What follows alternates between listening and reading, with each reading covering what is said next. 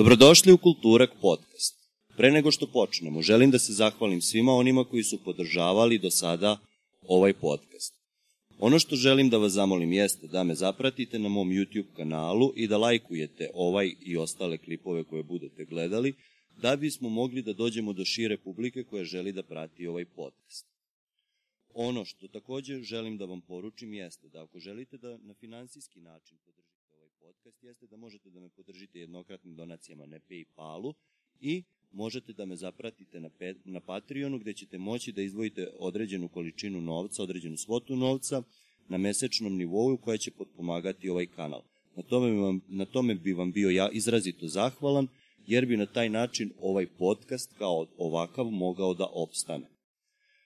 Kada smo završili sa ovim stvarima, ono što želim jeste da najavim moju sledeću epizodu. Moj sledeći gost je Kosta Milovanović, inače vizuelni umetnik, završio je slikarstvo na, primenj, na fakultetu primenjenih umetnosti, odnosno zidno slikarstvo, čime se sve taj čovek bavi je prilično široko.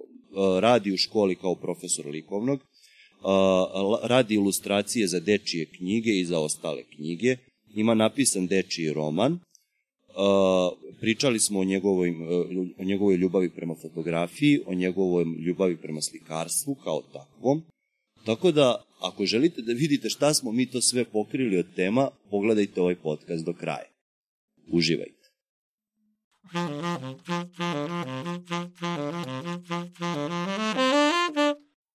Dobar dan. Dobar dan, Luka. E, Kosta, dobrodošli kod mene. Dobro došao, ne, dobro, bolje te našao. Bolje te našao, tako je. Kako ste? Pa evo, jel persiramo sad? Ne persiramo, ajde, nećemo persirati. Hoćeš ponovo sve? Nećemo, nećemo ponovo, idemo, ajde, idemo, idemo ovako što se kaže sirovo. Dobro, dobro. Kako ste? Evo, Kako dobro. si? Dobro, malo sam umoran, tako da ako klonem ti slobodno, ovaj, ne znam. Nogom ispod stola. E, to, E, na- Imamo ovde ladne vode, pa ćemo nešto da E, uradimo. mislim da je to dobro. Nisam ni ja ništa bolji, tako da ne, ne, ne znamo ko će na kraju ovaj podcast i voditi uopšte, kako Ajde, ćemo da. da se dogovorimo. Dobro, vidi. Ko bude imao više energije u tom trenutku, taj, taj priča. Da, ovaj drugi nek navija. ovaj drugi nek ćuti i spava. Uh, ništa, uh, drago mi je što, što si došao kod mene. U suštini, ja sam osoba koja ceni tvoj rad. Su- moj prvi kontakt sa tobom je bio kada sam u sklopu teatra ulica bio na nekom performansu koji se bavio traumama, Mhm. uh, različitim tipovima kao što su traume koje su iz detinjstva ili traume koje su se desile u datoj situaciji sa nekim promenama u životu, tako reći, nekim, e, nekim spoljnim nadražajem. I u, posle tog performansa jednu tribinu je držala, držala psihološkinja Biljana Đulasić, je li tako? Čulafić. Ču, kako? Čulafić. Ćulafić, nisam lepo zapisao. I uh, ona je vas, odnosno tebe, predstavila kao osobu koja je radila uh, ilustraciju za njene kartice koje su objašnjavale u suštini Jest. traume. Otkud, vi, otkud ti u toj priči? E, pa, u, ja sam u tu priču stigao e, tako što me Ljilja e, Čalić, e, urednica u Kletu, preporučila kao ilustratora, pošto je ona s Biljanom prijateljica i kad je ova rekla da je potreban ilustrator, Ljilja se setila mene i rekla je da sam ja možda pravi ilustrator za takav posao. I evo tad Biljana i ja sarađujemo već na nekoliko projekata u poslednjih par godina, pošto je ona ovako dosta energična, kreativna, stalno izmišlja neke psihoterapijske alate za koje je potreban i ilustrator sticam okolnosti, piše knjige, evo upravo objavljuje sad novu knjigu i radimo i na njoj i na još jednom špilu tih psihoterapijskih karata, a već su dva urađena. Tako da smo tad u Parobrodu u stvari promovisali taj prvi špil e, koji se odnosio na e, Mislim da su bile u pitanju urođene traume. Mislim, traume koje... nisu urođene i stečene, pošto Istečene. zapravo... Mislim, ovaj, odnosno ljudi- stečene ta, traume iz detinjstva, odnosno odnos roditelja, kako određeni odnos roditelja prema detetu može da utiče na njega u kasnijem periodu. Te karte se odnose na, na traume generalno. Na najrazličitije načine ljudi mogu da se traumatizuju i da zapravo kroz te karte pri, koje prikazuju određena stanja ovaj, koja su nastala posle tih trauma, preko tih karata zapravo mogu da se identifikuju i da pomognu psihoterapeutu da razume šta je koren problema. Tako je. Ove, ovaj, tako da te traume mogu da budu i seksualne ili ono stečene u detinstvu ili mislim ima različitih nepogoda koje u životu čoveka strefe pa sve to jel, može da ga istraumatizuje, a tu su psihoterapeuti da to posle oprave koliko mogu. Pa te karte služe kao alat u stvari za lakšu identifikaciju određene traume. Zapravo te karte, različite vrste karata postoje u psihoterapiji, a Biljana je osmislila konkretno, ovaj, mislim do sada tri špila, evo sad na trećem radimo, ovaj, za različite namene, rekao bih, u, u radu u psihoterapiji. Jedni se, jedna se odnose na traume, druge se odnose na uh, odnose između uh, partnera, Ovaj, I sada ima treći špil koji radi, a koji se ovaj, uh, odnosi na odnos između psihoterapeuta i klijenta. Pošto je ona našla da je to m, dobra tema za jedan psihoterapijski alat tog tipa. Da, pa um, ja se izvinjavam što sam malo pre pogrešio prezime, Dešava. ali nisam uspeo adekvatno da ga pročitam. Uh, ono što se, čega se ja sećam na toj uh, tribini, odnosno kompletno to doživljaju u Parobrodu, jeste koliko u suštini smo svi mi u stvari istraum, istraumatizirani, da to tako kažem koliko nas određene, određeni događaji na svakog od nas ostavljaju neko određeno iskustvo. E sad, ono što je ona meni naglasila jeste ta neka rezilijentnost koju ljudi imaju i koliko su ljudi sposobni. Kako, šta, šta vi mislite o svemu tome? Kako, kako je celokupan projekat uticao na, taj, na vas i kako, da li ste vi nešto svestili kod sebe možda kroz ceo taj rad? Koliko je on uticao na vas? Pa dobro, za ovih par godina što sarađujem s Biljanom, realno sam morao, kako ilustrator uvek mora da bude dobar čitalac i da zapravo na različite načine pokuša da protumači problem kojim se bavi, tako sam se i ja, ovaj, baveći se psihoterapijom ovaj, kojom se Biljana bavi, a ja ilustrujući njene knjige i te karte, upoznao, ovaj, čini mi se u dobroj meri sa različitom problematikom a, tog psihoterapijskog zanata. Tako je. Pa sad, a, kako da kažem, a, svaki posao ono nosi novo iskustvo, tako da ovaj s obzirom na to da ilustratorski posao vrlo zanimljiv, ja ne mogu da zamislim nešto mnogo zanimljivije, jer svaki put uh, ulaziš u neku priču i otvaraš nove teme. Delo je dinamično po prilici. Jeste, mislim, pritom tu moraš da budeš pomalo i glumac da tim likovima daš određeni karakter, pogotovo ako su u pitanju psihološka stanja koja sad treba predočiti kroz crtež. Pa onda ovaj, prosto naučiš gomilu stvari koje su ti interesantne, a za koje možda nisi znao ni da postoje.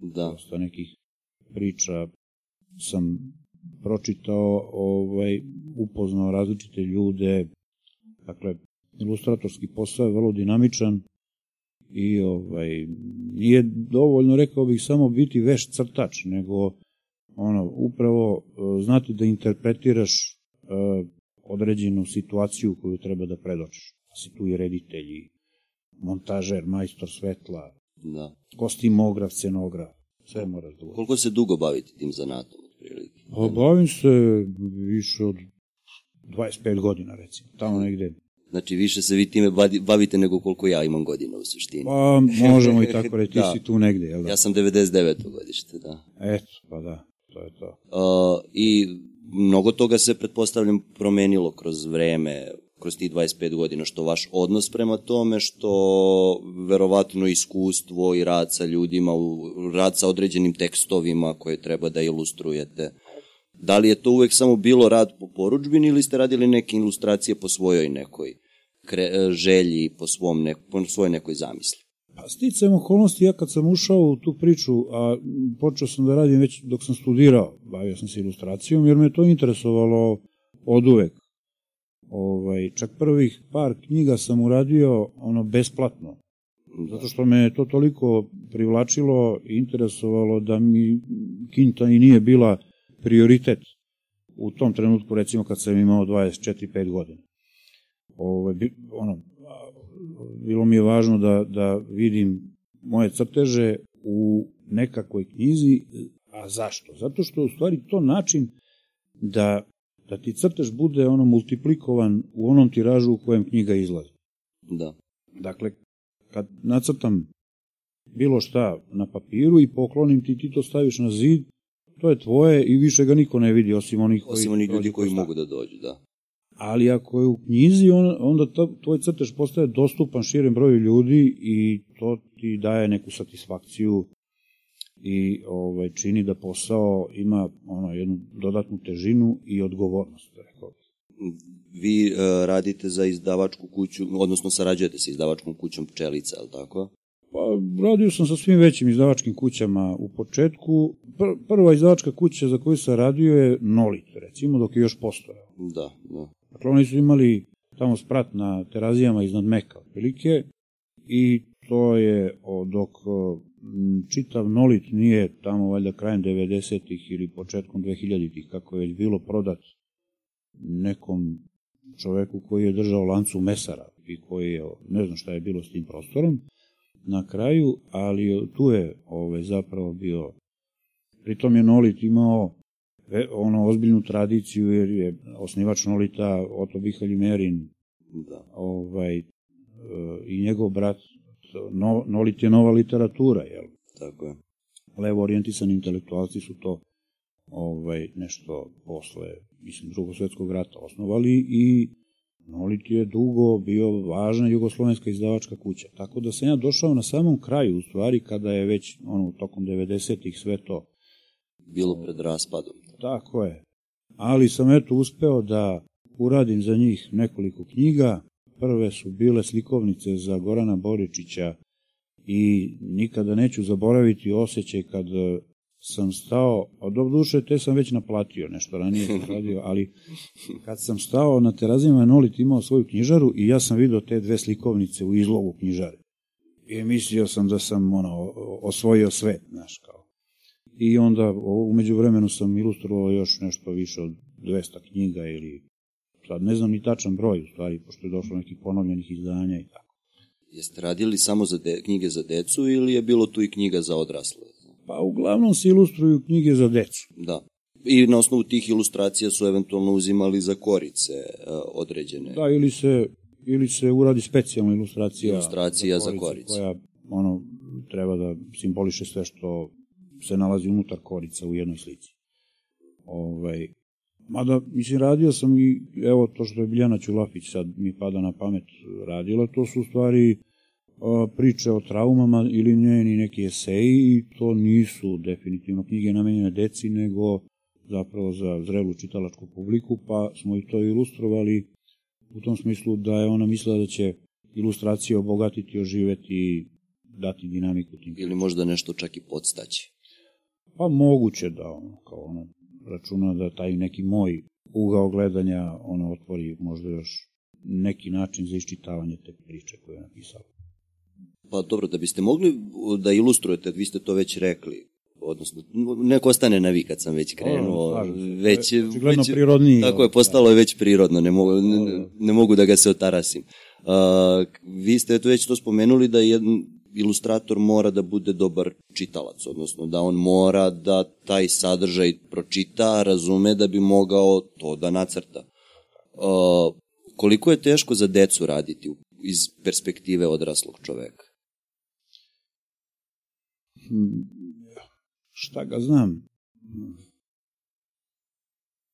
Verovatno, posle izlasnog vremena, mislim, kako da kažem, e, imaš nekakve okvire ovaj, koji su zadati i u, i u okviru čega treba da e, pronađeš najbolji način da odgovoriš na temu. Pritom, tu, za, tu, tu ulogu igra i tehnika koju ćeš izabrati za određen crtež, jer ja, na primer, nisam od onih ilustratora ili umetnika uopšte koji imaju jednu tehniku kojom se služe, a mislim tu možemo tražiti paralele i u drugim umetnostima, i u glumi ili, znaš, imaš glumce koji kao uvek igraju jednu ulogu. Tako. Ako imaš slikare koji naprave neki koncept na početku ili bilo koje vizualne umetnike i onda to muzu neograničeno dugo. Da.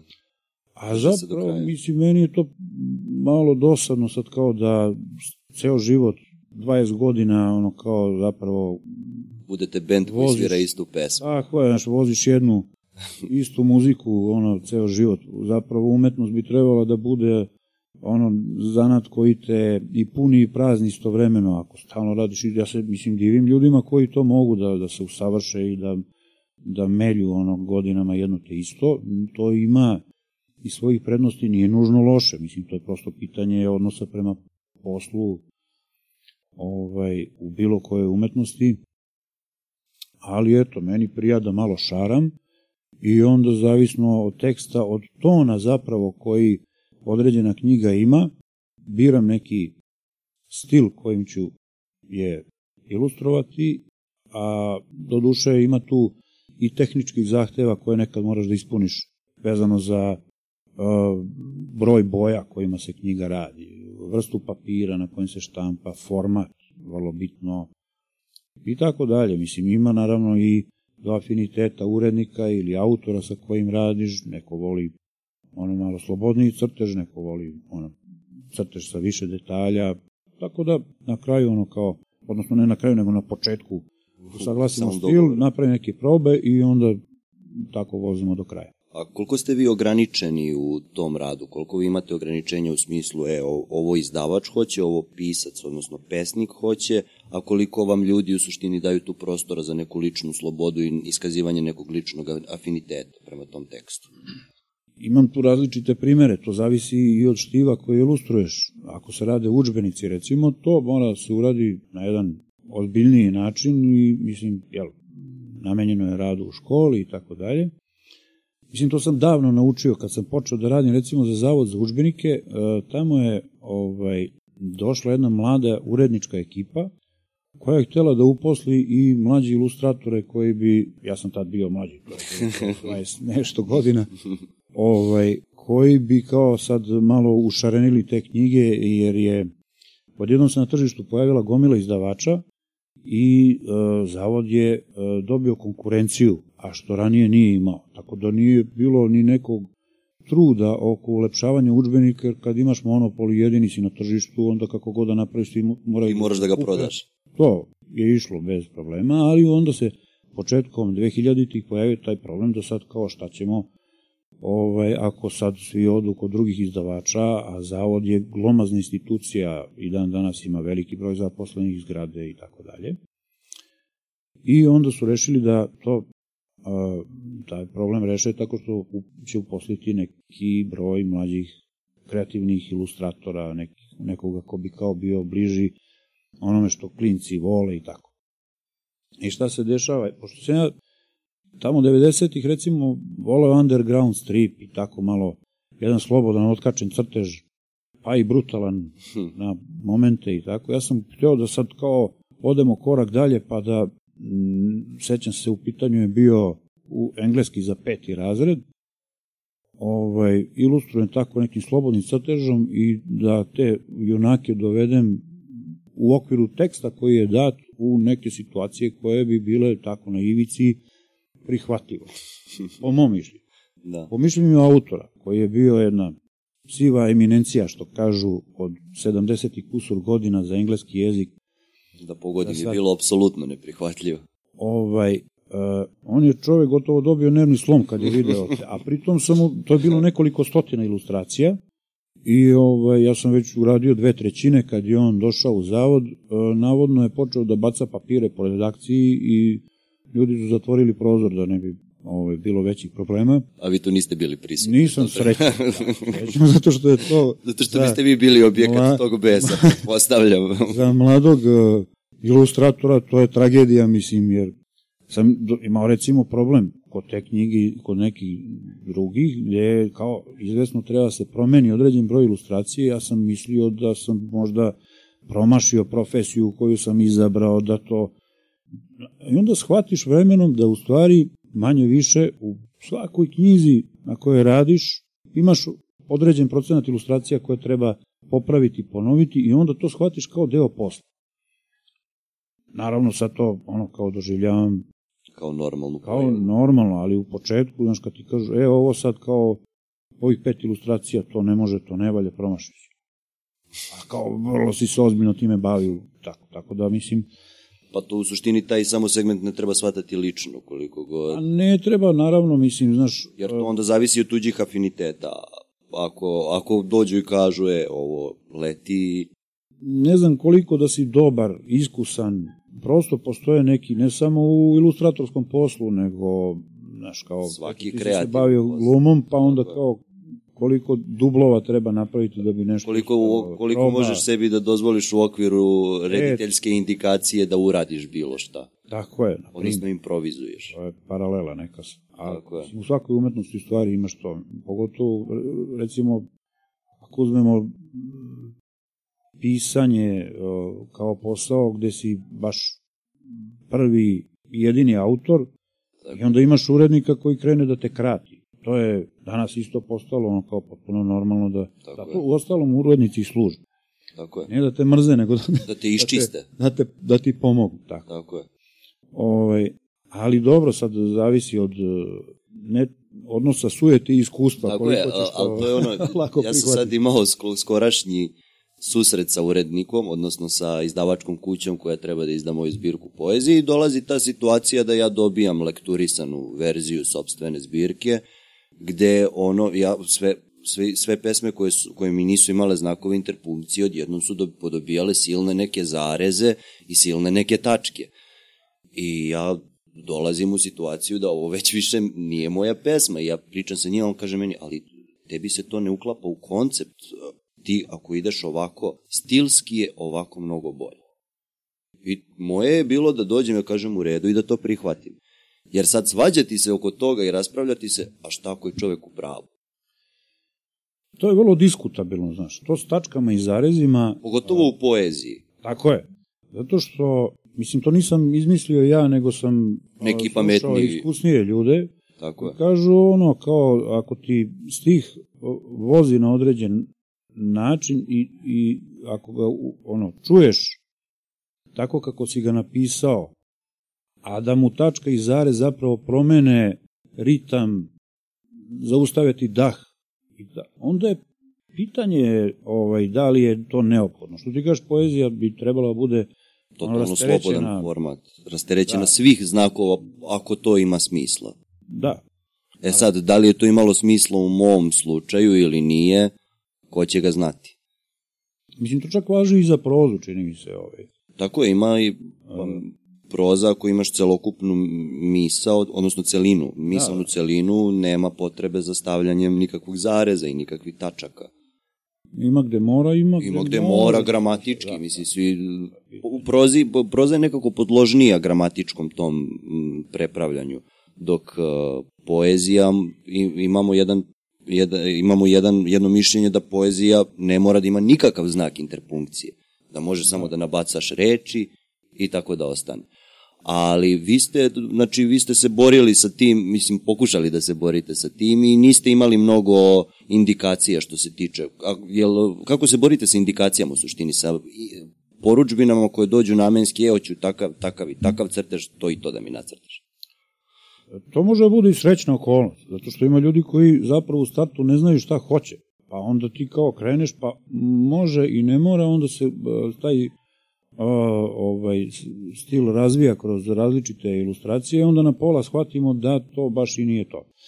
Ovaj, tako da je nije, nije loše ovaj, kada u, imaš input konkretan na početku i otprilike možeš da se uskladiš sa željama Ovo, obično iskusni urednici ako radiš za, za ove veće izdavače, oni tačno znaju otprilike šta im treba i tu ako si već sarađivao s njima u dve reči se mislim dogovorimo šta i kako i zapravo nema mnogo problema i, i prepravke na kraju.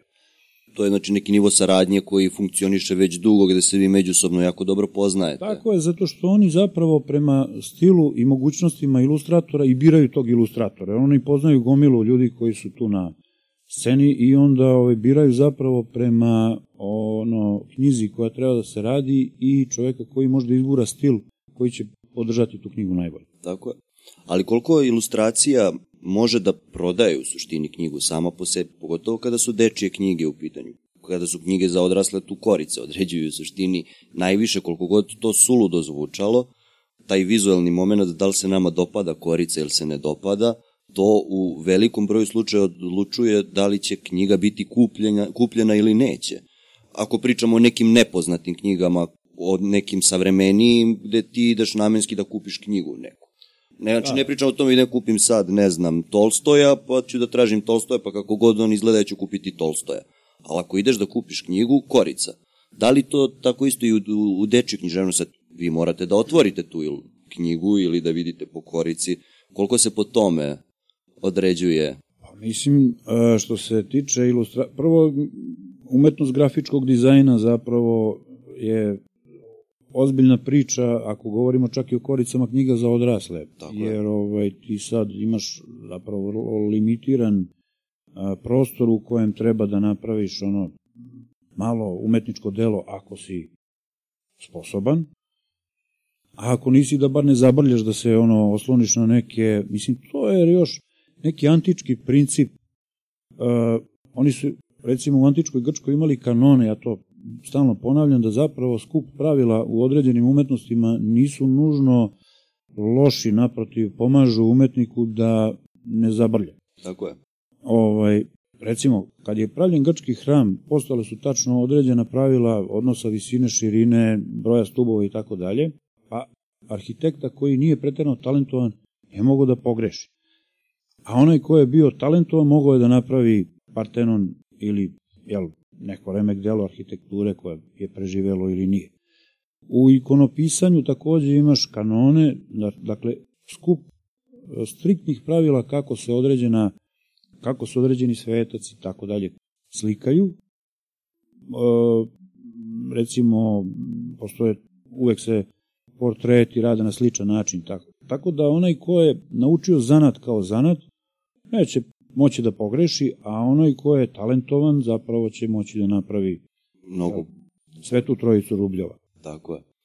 Pa to je taj, taj celokupan... Da, samo da se vratimo na pitanje, u stvari, ovo je bila digresija. Digresija, pominjao. tako je. Ovo, kad je reč o, o tome, naravno da ako pogledate sad dečije knjige, zapravo je toliko podignut kvalitet ilustracije u zadnjih 20-30 godina da Nije da nije bilo i ranije majstora, ali sad je nekako postao imperativ da zapravo dečja knjiga bude bogato ilustrovana.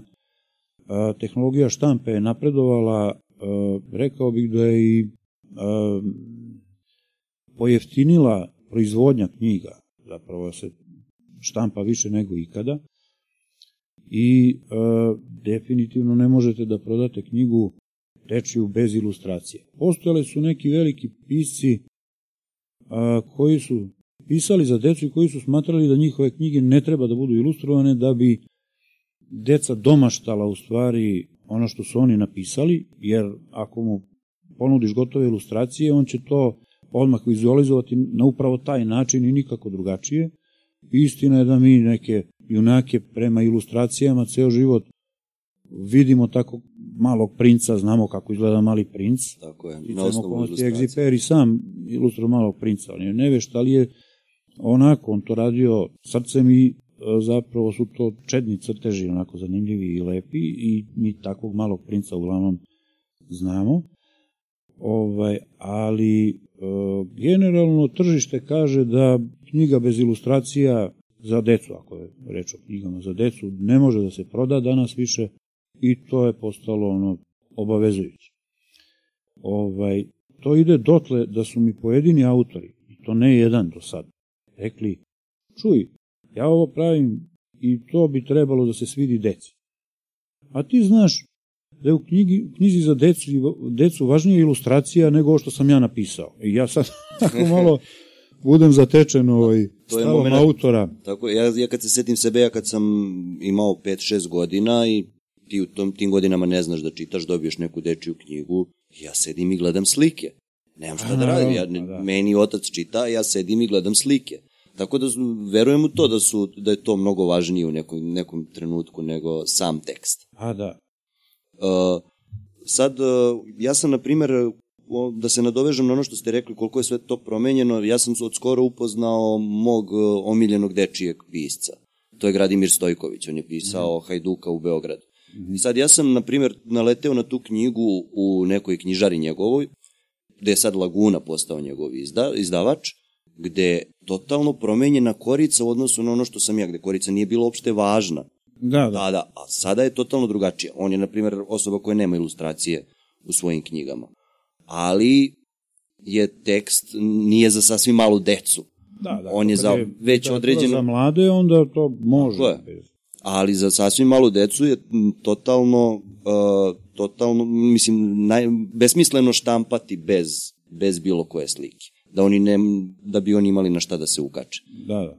Dobro, mislim, ovo, kad kažem ovaj, to da su mi pojedini rekli da su važnije ilustracije, ja se ograđujem. Ja ne mislim da su važnije ilustracije, tim pre što sam imao zadovoljstvo da radim sa ono najvećim našim pisima i pesnicima za decu, ovaj, i gde sam uživao u stvari, zaista ti je ono zanimljivo da, da se poigravaš sa plodom nečije mašte, kad vidiš da je taj bio ono potpuno kreativan, da je imao ne, neke ono lucida intervale u, u određenim trenucima na način na koji to niko ne može da očekuje. Ovaj, tako da sad da ne nabrajam ovaj, sve pesnike, možda ćemo u toku razgovora ih i pominjati ovaj, sa kojima sam radio i zapravo možda najviše od svega volim da radim poeziju za decu, koju o, bi, mislim, oni koji kupuju knjige za decu trebali više da kupuju, Da. jer zapravo je o, proza prevagla, ne znam iz kog razloga, valjda ono kao malo zgodnije za čitanje, pa ne znam, duže traje to kao, pa ajde, da što duže trošimo knjigu. Ima neku narativnu celinu koja... Da, pa mislim, da, poezija je kao poezija uvek kompresija neke Nekako pameti i emocija.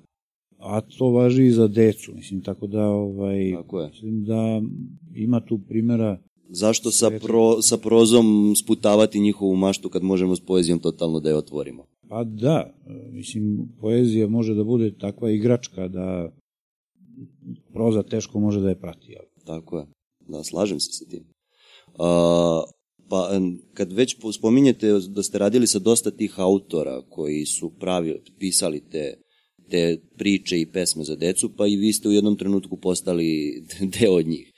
A da, to je bilo pre 4-5 godina već, ja mislim, kad me je Pčelica angažovala da napišem knjigu o malom slikaru, odnosno potencijalnom budućem slikaru, klincu koji je talentovan i koji sad traži sebe kroz uh, ono uh, neke situacije u kojima uči o slikarstvu, tehnikama i tako. I onda sam pokušao da napravim tako jedan roman koji će na jedan pitak način objasniti različite slikarske tehnike, razlučiti tim mladim čitaocima dileme koje ih muče u tom uzrastu, da li oni mogu da budu umetnici, odnosu roditelja prema nekom talentovanom detetu koje imaju, jer kao i roditelji gledaju od čega će to dete sutra da živi, a kad se bavimo umetnošću uvek postoji ta dilema hoće imati leba da jede ili neće. Egzistencijalna borba večita.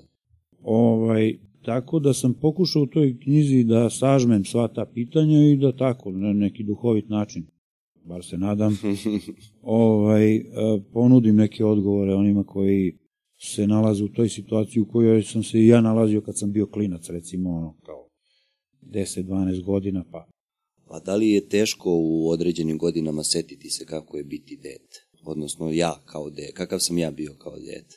Pa mi imamo uvek neke projekcije na to svoje detinje. Odnosno, mi živimo u dobroj meri neko izmaštano, ja mislim, izmaštanu prošlost. Mi je uvek navijamo tako da nam postane podnošljivo. Tako je. ovaj, I onda zapravo ako malo razmislimo, onda ćemo shvatiti da, na primjer, ako su nam roditelji za neki događaj kojeg se mi realno ne sećamo, ali su nam deset puta ponovili, e pa tu si pao, ti počneš da se sećaš da si tu pao, iako realno ne može da se setiš te slike, ali kao tu sam pao. Pa to je ono sto puta ovaj, izgovorena laž postaje istina. A, e, na primjer, da. Mislim, prosto ljudi imaju takav mehanizam da te neke stvari mogu da, da predoče, iako...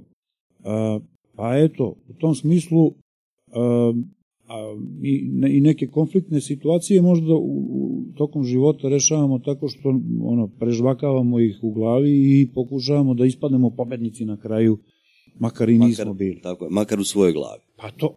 Da. E onda ovaj, zapravo šta ti je prošlost nego skup uh, tih nekih polu događaja, polu onoga što si ti sebi Izmašta. izmašta. Ja sam imao tu situaciju da sedim sa drugom, evo, mislim kad smo već kod di- digresija, jedna mala, i sad nas dvojica se prisećamo jednog određenog događaja na kom smo obojica bili, gde se obojica totalno različito sećamo tog događaja, gde na različite načine pričamo o tom događaju, gde se ispostavilo na kraju da ne znamo ko u toj priči laže.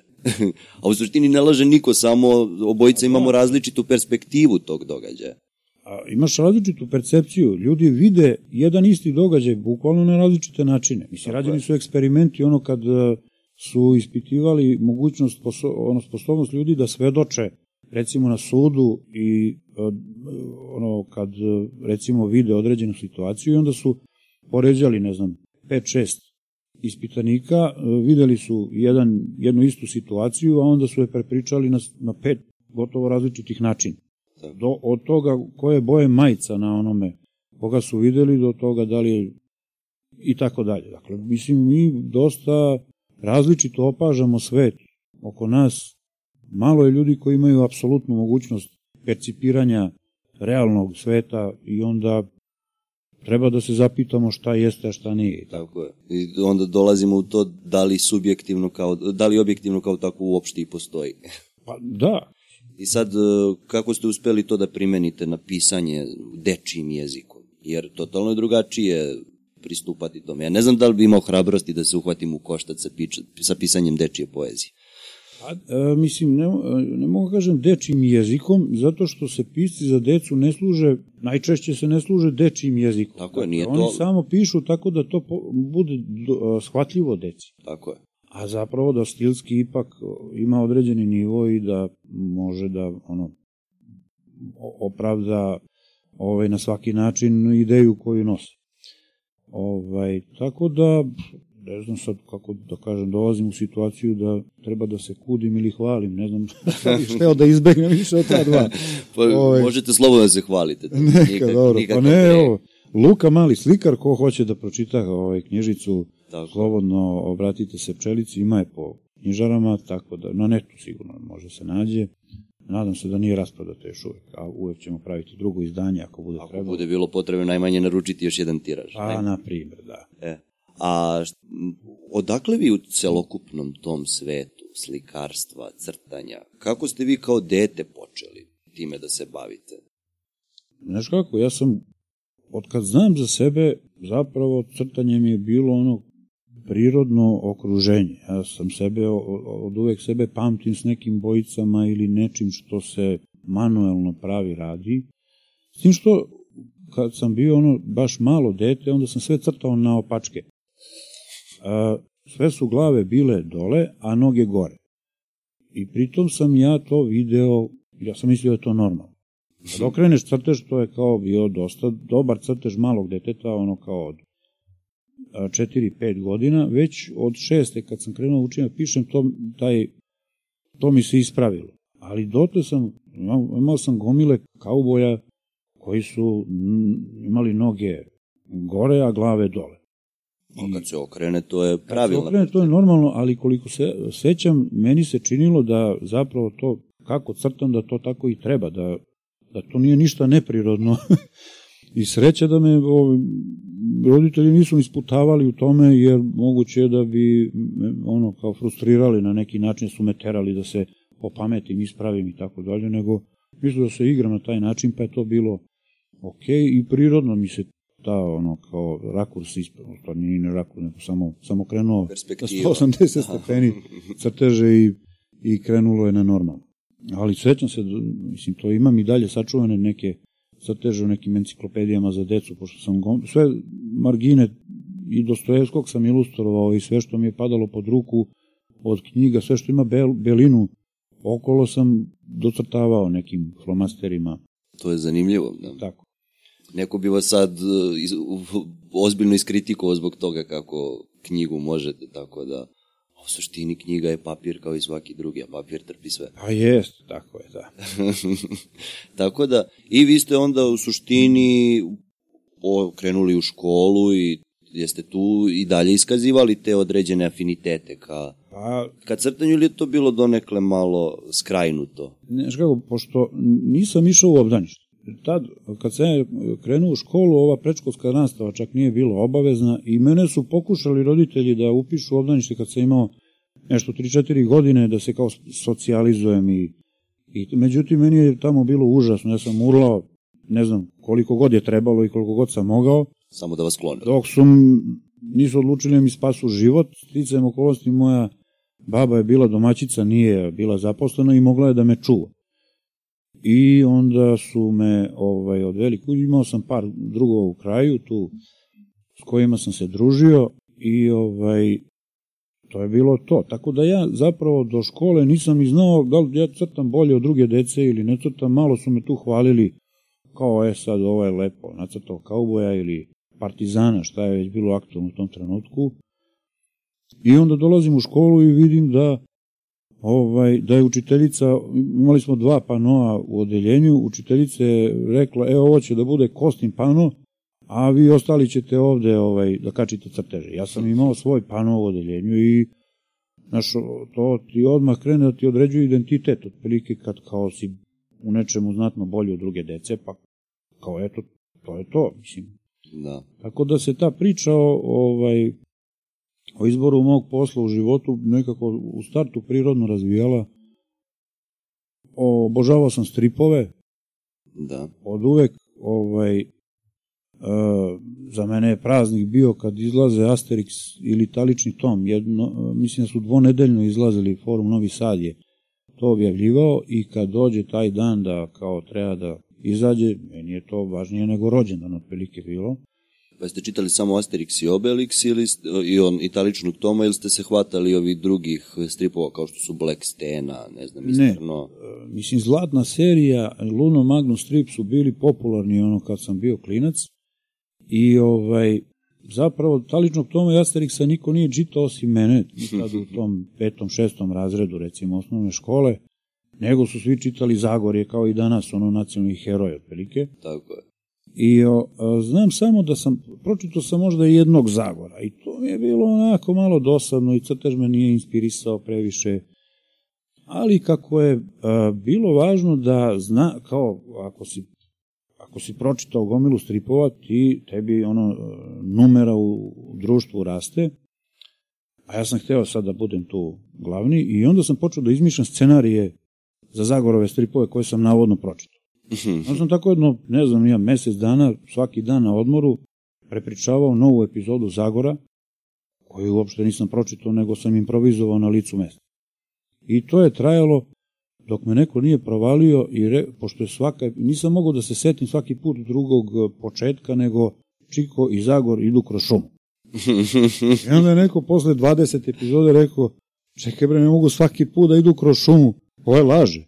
I onda sam morao da priznam da nisam baš sve to pročitao, nego Malo ali dobro, domašta. to je bila dobra vežba za pisanje scenarija. Tako je, tako je. Mislim, možeš ono u real da... Nisam lago, samo sam vežbo. To, pa na primjer. Da, da. A zapravo, ovaj, stripovi koje sam ja voleo su ti bili, i dan danas u stvari, mislim da su to ono, vredni stripovi, Asterix i Italični tom, ali sam sa devet godina, sećam se, otkrio o Korto Maltezea koji izlazi u nastavcima u zabavniku i iako je to bio onako ozbiljan strip i nisam mogao da shvatim u suštini m, čitav tok smisao stripa, jer je Prat pisao za odrasle u suštini.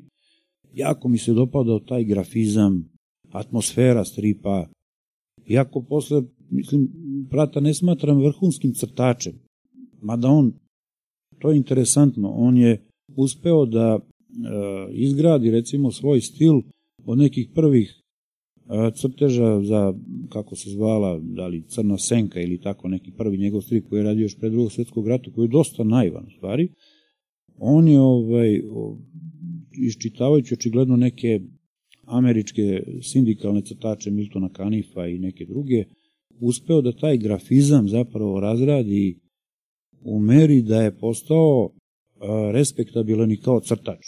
I postao je, da ne kažem, idol mnogim budućim crtačima, razno smo krali od njega. Mada ovaj, ima ljudi koji su ga i u, ono, u to vreme jako cenili. Postoje neke anegdote, na primjer, kad, ne znam, on kao, svidi mu se neka devojka koja ulazi na likovnu akademiju, ne znam u kom gradu, u Italiji u kojem je živeo u tom trenutku, i on uđe za njom i zbog nje kao polaže prijemni položi, a onda profe, pošto je već bio malo u nekim godinama kao profesor, mu kažu, dobro, sve je to super, nego šta će tebi ovo kao ti već super Tako je. radiš, bolji si od nas, kao. Tako da postoje te priče da je on kao bio vrhunski crtač, ali generalno on je ono, recimo, proširio granice medija stripa uopšte, što mi je interesantno jer je, i, e, donekle mi je žao u stvari u kojoj meri je strip kao medij donekle neistražen i neiskorišćen. Posle milion različitih izdanja u Francuskoj se sad kažemo u grubo objavi recimo desetak hiljada albuma godišnje. Nekad je bilo više, sad je možda i manje. Ali ovaj, zapravo, a možda kao i svakoj umetnosti, ono, 90% od toga ti je neka konfekcija i neki mainstream koji se ono filuje za tržište, a zapravo jedan mali broj uspeva da ono dosegne neke ozbiljne autorske domete i prati jedan od tih koji verovatno nije pravio kompromis sa ono svojim e, talentom, željama i željom da ispriča svoju priču i zapravo iz tog razloga postao jedan od najvažnijih autora stripa do danas. Da. Pa vi se i dan danas bavite stripom, to nije samo moment da ja kao dete crtam svoj strip, nego to je već sad postala celoživotna obsesija. Pa to, bavio sam se stripom Uh, I to je interesantno. Ovaj, uh, bavio sam se i autorskim stripom, a bavio sam se i, i e, novinskim stripom. Recimo za politiku sam uradio oko 120 kajiš stripova a, sa temom psi. Zapravo sam imao otvoreno polje da u nekom trenutku a, sam dobio ponudu da radim kajiš strip O, to je bilo pre nešto, 15 godina recimo, i onda je, kao eto, ajde, kreiraj ne, neke svoje junake i onda sam se setio da bi psi možda bili mogla, mogli da budu univerzalna tema, da svaka uh, svaki kajš bude kratka basna, vic ovaj, na temu interakcije između pasa, naravno različite rase, ono, uh, treba da ovaj, personifikuju različite karaktere ljudi i eto, kao napravio sam tih 120 Kajševa. E, Kajš strip je zapravo vrlo teška forma za, zato što u dve, tri, četiri slike, slike mora da ti stane sve. Treba da ti stane ono razrada uvod razrada i zaključak. Uvod razrada i zaključak, znači, i da bude smešno i da bude lepo i da kao ima smisla. Ste se vi bavili tekstom ili samo... Jeste, ja sam da. pisao i tekst i uglavnom sam ovaj, uvek pisao tekst i scenarije sam pisao svoje stripove i sad evo u zadnjih pa nekoliko godina malo po malo već me ono sramota koliko sam otegao s tim projektom, a praktično je tu gotov. Ovo, ima jedan strip album koji je u formi omnibusa iscrtan. To su priče o a, nekom, recimo, slikaru iz predgrađa koji dobija interesantne naručbine od različitih ljudi i e, u toku e, dešavanja sad e, zapravo kroz tu priču dolazi do neke e, kako da kažem različitih situacija u koje slikar upada, manji i veći problemi, ljubavi i tako dalje. Priča se širi dok ne dođe do finala. Priče su različitih dužina i ovaj dve su dobile nagrade pošto sam ih slao na neke konkurse, tako da eto, kao izgleda da se nekima i dopadaju. Da, ovaj, e, tako da zapravo najviše volim da, da crtam po svojim pričama, pošto kao uživam i da pišem u slobodno vreme ili kad me tako stigne snaga, što bi se reklo, tog tipa. Ove, ali e, interesantno je recimo da ta knjiga koju sam napisao, ja je nisam ilustrovao, to za pčelicu, taj Luka Mali slikar, je, to je ilustrovao Tihomir Čalanović, moj kolega, e, zato što je zapravo ilustrovao čitavu tu ediciju pčelicinu, e, to kao kad porastem biću, pa biću futbaler, biću balerina i tako, i onda je Tihomir uradio celu seriju knjižica, pa nije bio reda pa tu nešto... Pa ni vaše nije bilo izuzetak. Pa da, naravno, mislim, Tihomir je sjajan ilustrator, tako da nema greške ovaj, kad Tako je. on crta, to je super.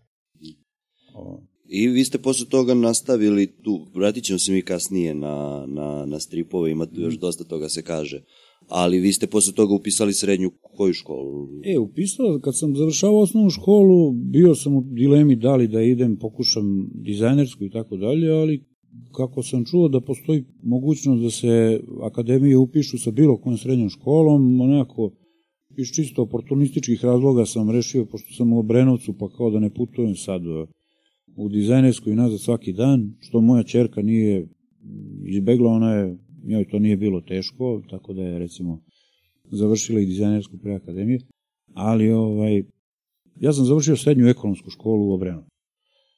Uh, tako, ne smatram to izgubljenim vremenom, tako naučio sam po nešto o ekonomiji, a zapravo moguće je da sam crtao više nego što bih crtao u dizajnerskoj, jer mi je bilo dosadno na Dosadno. časovima i onda sam zapravo sve sveski išarao crtežima. U dizajnerskoj se mnogima ono dosadi zapravo i izgube tu iluziju o umetnosti kao nečemu ovaj zanimljivom jer e, klinci tamo shvate da tu zapravo postoje neke tehničke stvari koje moraš da ispuniš, naučiš i je. ispoštuješ da bi mogao da guraš kroz određeni zanat kojim se posvetiš. A kad si u ekonomskoj školi, tebi je ono kao svet crtanja i umetnosti i dalje super šaren i zanimljiv i to je neka ona budućnost lepa i svetla i zapravo veruješ do kraja, ono kao do Da, četvrte godine. Do momenta dok ne odete na akademiju. I... Pa dobro, da, ali onda već odlaziš sa nekih 18-19 godina, a ja sam zapravo akademiju upisao čak sa 23 godine. Jer sam, uh, tad je bila obavezna vojska, ono, posle Da, ovaj, da, srednje škole. srednje škole. I sad ja završam srednju školu, konkurišem na akademiji i pada. Na likovnoj akademiji i meni se srušio svet. Ono, u tom trenutku sam mislio da je to ono, kao sad, život više nema smisla, jer kako sad to da ja koji sam uvek bio najbolji i ono kao odjednom sad pada, a padam zato što je to još uvek post, ono, predzadnja godina SFRJ i u, na Akademiju u Beogradu dolazi na tih 33-4 mesta 700 ljudi iz cele Jugoslavije. Neki konkurišu šesti put, mislim, u tom trenutku i, mislim, teško je zaočekivati da ti koji si išao malo na pripreme neki i tako stekao Ove, pošto e, na akademijama se traži za prijemni taj akademski takozvani studijski crtež koji ima svoju, ko- svoje neka pravila moraš da mislim ja konkretno sad tu i tamo ispremam neko ko želi da upiše ovaj, te visoke škole jer postoji skup pravila to kao kanon što smo pričali koja treba ispoštuješ da bi ovo, se videlo da si ti ukapirao arhitekturu crteža i da kroz to pokažeš i talent, naravno, ali se podrazumeva da se ovaj određen tip crteža a, nauči za prije. To je dokaz tvoje ozbiljnosti, možeš da šaraš cvetiće i šta ti padne na pamet. A, I tako ja padnem, odlazim u vojsku, sticam okolnosti, zarati se dok sam bio u vojsci, a ovaj, otišao sam u Pulu u Mornaricu i kako je krenulo, ja sam mislio da da ću se možda aktivirati u toj mornarici, jer mi se jako dopalo da u jednom gradu kakav je Pula ovaj, budem mornar i ostao sam tu u stvari do kraja.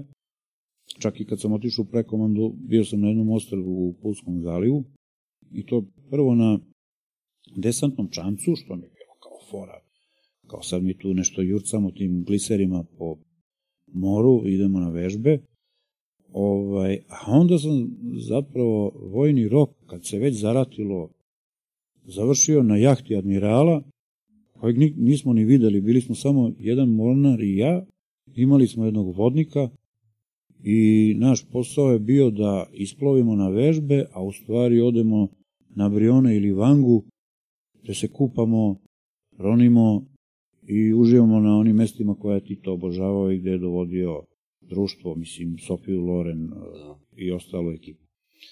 Ove, ovaj, tako da, ja mislim da dan danas, recimo, Vanga nije otvorena za javnost, ovamo a, Brioni su dostupni, vidimo, turisti odlaze tamo, ali ona Titova rezidencija je, pošto je to jedno malo ostrvo, napravljeno baš lično za njegovu uživanciju, verovatno ovaj, nije zgodno da, da puštaju sad gomilu, gomilu ljudi tamo i dalje je to zato, pa sam imao ekskluzivnu mogućnost da se brčkam da, na Titovoj da plaži privat. Da, da. I vi završavate vojsku i skog puta upisujete? Ako... Jeste, završavam vojsku i kad sam došao iz vojske, Pošto, Tad je vojska trajala godinu dana. Trajala je godinu dana. Ja sam hteo da konkurišem iz vojske na, na likovnu akademiju i čak se dogovarao sa komandantom moje čete, koji je bio jedan Izgledao je kao pravi morski vuk, ono, skroz je bio ovaj, najbolji drug Mate Parlova, za one koji pamte tog boksera i tako, ali pritom je bio čovjek koji, osim što se dobro tukao, ovaj, imao, znao i na hiljade stihova na pamet, volao umetnosti i tako. I u nekom trenutku ja njega pitam, dobro, jer mogu ja da, on je već bio pred penzijom, da konkurišem, kako da ne, kao. Međutim, bio je pripit u tom trenutku, kad sam ga sutradan i narednih dana onako na kas, tom kasarskom krugu nešto mu mahnem diskretno da me se seti, on kaže šta hoćeš ti od mene? Kažem pa treba da polažem prijemni, a već je u stvari krenulo to puškaranje, tako da on kaže si lude da te pustim da pogineš sad, nema mrdanja kao tu si sad gde si, kako da odeš preko Hrvatske da bi polagao prijemni, znači ostaješ do daljnjeg pa sad kao šta nam Bog da.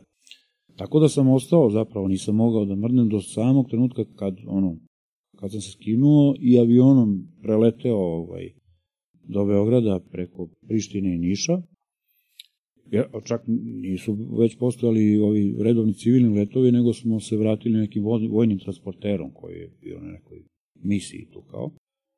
I ovaj, stižem u trenutku kada je prijemni već gotov na likovnoj i ostaje ono što mi je bio plan B inače u životu da završim prava, kao verovatno većini.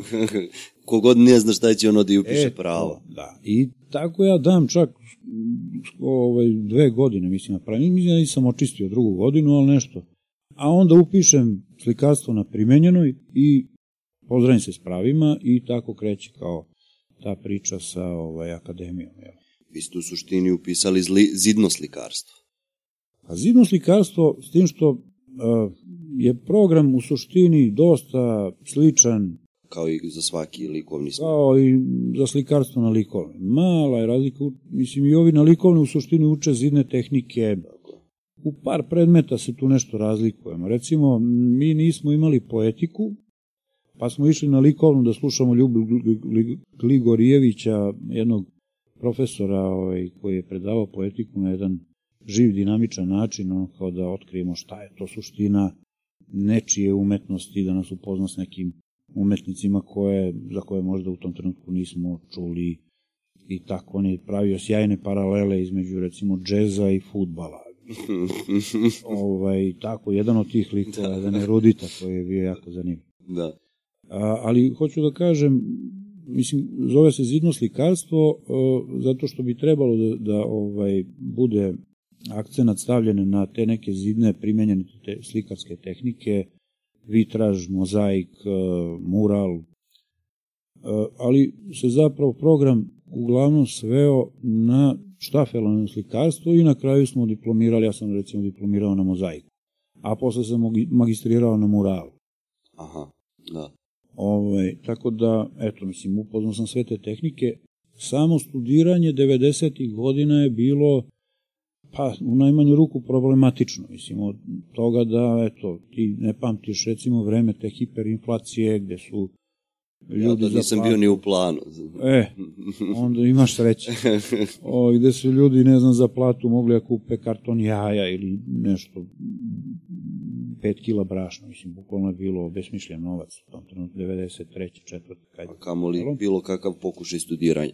A onda studiranje, s tim što istina je da smo još uvek e, po inerciji nasledili one socijalističke benefite besplatnih studija, studentskih menzi, besplatnog prevoza ili je bilo nešto simbolično kao da se da nešto, čisto da se učipiš i da dobiješ te neke žetone.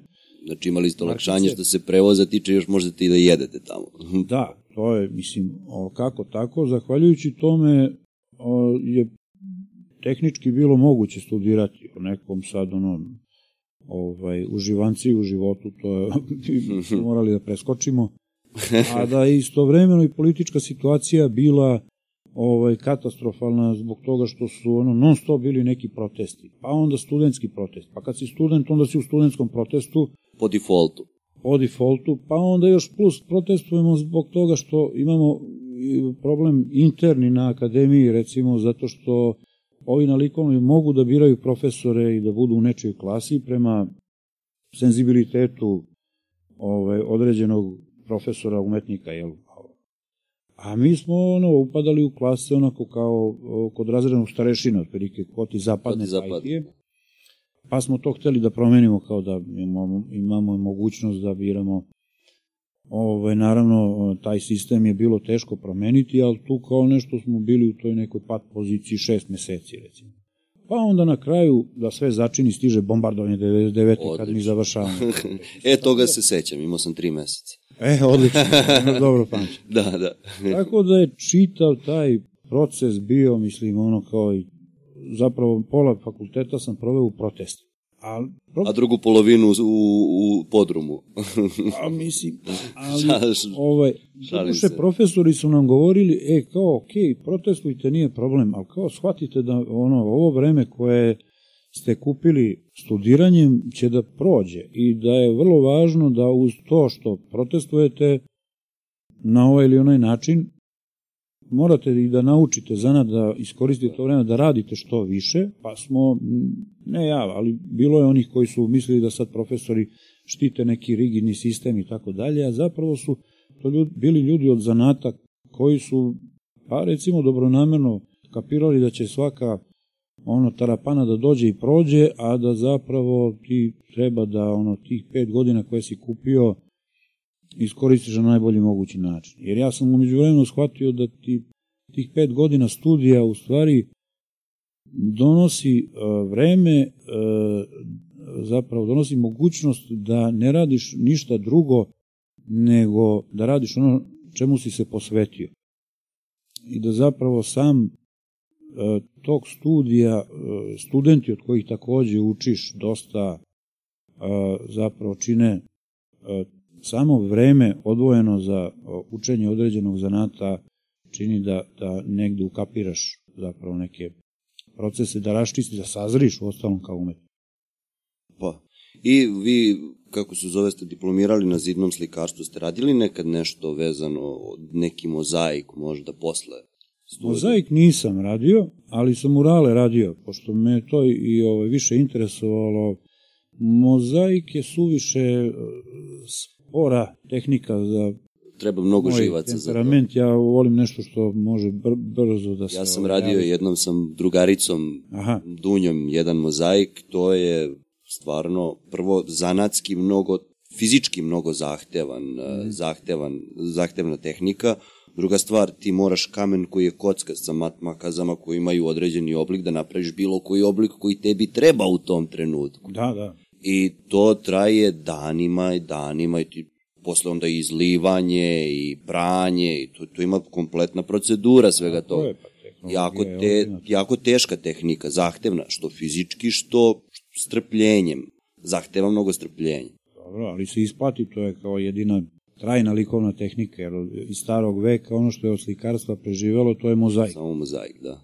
Mislim, interesantno je da su, mi sad recimo doživljavamo grčke skulpture kao tako svedene, bele, mermene skulpture su bile potpuno obojene. Da. Živim bojama, ovaj, a Prosto je samo vreme učinilo svoje. Da, boje, vreme je oljuštilo boju, izbledelo je i sad zapravo mi uživamo u tome kako su Grci imali tako rafiniran osjećaj za formu, oblik i da se nisu bavili trivialnostima kao što je prolazna boja. Oni su u stvari farbali da budu šarene da. Ovo, ovaj, samo tako. Pa to do duše važi i za, i za recimo naše srednjevekovne crkve, manastire.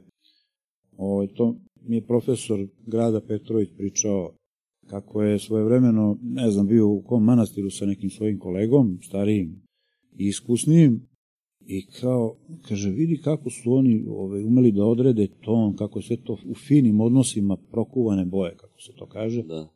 A ovaj mu kaže, ma, to je sad posle 500 godina tako postalo kao... Još gde su bili Turci, gde ovde, ono... A kaže, kad su ga naslikali, bilo je ku poslastičanici kod Pelivana. Slika na knezu, bila poslastičanica, da. sva šarena iznutra i tako. Da. Pa to je ono što sam ja pričao sa drugom, koliko mi u stvari o istoriji ne znamo ništa, jer koliko je vreme od tih uh, fizičkih dokaza uspelo da sačuva bilo šta. Pa da, to je sad vrlo diskutabilno, osim naše lične istorije o kojoj smo već pričali, kao kako mi prepravljamo sobstvenu Tako je. memoriju, ovaj, kako je vreme. meri se tek menja ovaj, shvatanje istorije, konkretnih događaja koji jedan isti događaj u zavisnosti od toga ko ti je na vlasti Tako je. ima različitu konotaciju, pogotovo, može da bude pozitivan i negativan. Tako je, pogotovo recimo Grčka koja je poznata i po svojim ratovima, koliko je samo tih umetničkih dela spaljeno, uništeno, koliko toga u suštini mi nismo uspeli ni da vidimo, ni da dođemo do toga. Mi u suštini ne znamo ništa šta se desilo u tom periodu. Ono što je ostalo, ostalo je samo ono što je preživelo neki rat ili nešto tako. Pa da, mislim, ono što ovaj, je zgodno kod istorije, ako se već neko njome ozbiljnije bavi, da pokuša da uđe u pamet, e, a to je jako teško, zato što postoji splet okolnosti, ko zna kakvih, ovaj, do toga da ti uđeš kako je razmišljao, ne znam, neki Spartanac. Nama je to potpuno, nama je teško da uđemo u cipele naših deda, pradeda. Teško mi da uđemo u cipele za rođenog oca, kamoli nešto. Jer, mislim, uzmite u obzir da, da je recimo početkom 20. veka e, većinski nepismeno naše stanovi. 20% pismenih ljudi imaš recimo 1920. godine. 80% Srba je nepismeno. nepismeno. I to ti 20% većina je u Beogradu. Pa da, po gradovima, to su Tako je. trgovci zanatlije. Nemaš tu sad, a misli koliko je bilo intelektualaca u tom periodu i šta je značilo završiti fakultet ili ovaj, tako da, znaš, kad većina ljudi ne zna se potpiše. Mislim, interesantno, ja nisam nikakav autošovinista, ali u istom trenutku uh, 80% Slovenaca je pismeno. Tako je. Oni su siromašniji od Srbije ovaj, početkom 20. veka. Oni dolaze ovamo u Pečalbu da služe, ali su pismeni. Posle 100 godina vidi se uh, razlika. Tako je, to ono što su ljudi pričali o Sloveniji. Nije Slovenija ovakva kakva jeste zato što su oni u zadnjih 20-30 godina uspeli ovako da se, da, da se disciplinuju. Oni, oni su to očigledno krenuli na neke duže staze. I da bi se dotle došlo, to treba kontinuirani rad koji dugo traje. Da. Da bi se ne, osvestilo sve to. Uh, I šta ste vi radili? Ste radili, gde ste radili sve murale?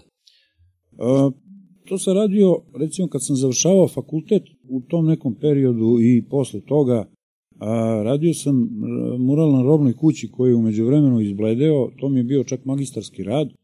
Ona sirena, evo, ako nas gledaju Obrenovčani, setit će se na robnoj kući je nekoliko godina stajala a, sirena sa sirenčetom. Ja, da. kao to je bila neka ideja da svaki živi stvor ima pravo na potomstvo pa onda kao ovaj, uz tu menažeriju nekih vačarskih likova koje sam razvijao kroz štafelojno slikarstvo, onda sam ih sve tu poređao, ali ovaj na nesreću uh, mural, mural bio izložen ovaj sunčanoj strani kiša, prašina i relativno je izbledeo, pritom moj izbor boja zapravo su me obmanuli da kažem da mi daju, da, da kupujem zapravo neke najkvalitetnije boje, a one to baš i nisu bile. Tako, ali onda kao vlasnik kafića koji je ovaj, dole otvorio, umjesto da kao bilo bi prirodno ovaj, želi da to restaurira, renovira, ja bi mu rado pomogao, on je to prekrečio i stavio tendu preko toga i to tog murala više ne.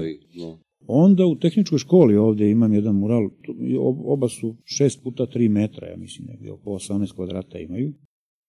I taj je mural opstao, pošto je on unutra ovaj, u, u, u samom hodniku, istim bojama je rađeno, ali kako je u samoj zgradi on je i dalje svež.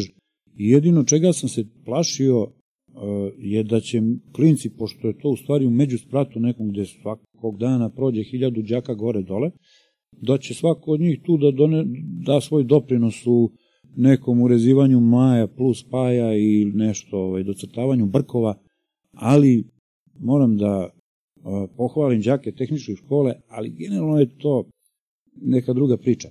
Ovaj, I dan danas stoji onako kako sam ga naslikao i zapravo ga niko nije. A, a to je zapravo primetno i kad vidite na javnim površinama u gradu. Ako je dobar mural, nećete videti nikad grafit na njemu, nikoga neće oštetiti. Prosto ljudi imaju klinci, imaju respekt prema nečemu što ima neku ovaj priču i vrednost. Ovaj, tako da onda imam jedan mural u, u domu staraca, u domu starih, to je ovaj udruženje Klik za treće doba koji je vodila, ne znam da li još uvek aktivno Mirala Inović profesorka, angažovala i tu smo napravili na, mislim da je to toplana u, u dvorištu tamo ove doma starih, Uh, tu su mi tehnički pomogli i zapravo i realizovali su po mojim nacrtima Goran i Jovan Rakić, ovaj, talentovani tada studenti animacije na primenjenoj, uh, tako da taj mural i dalje stoji, on čini mi se, i poplavu preživeo, to je bilo pred poplavu, urađeno. E, I imao sam tu neki, nekim kafićima, tako nekim javnim površinama, ovaj, neke manje murale, nešto je od toga i porušeno, tako da zapravo imam svega par tih većih koji su opstali i nadam se da će da će još dugo i opstati. Da.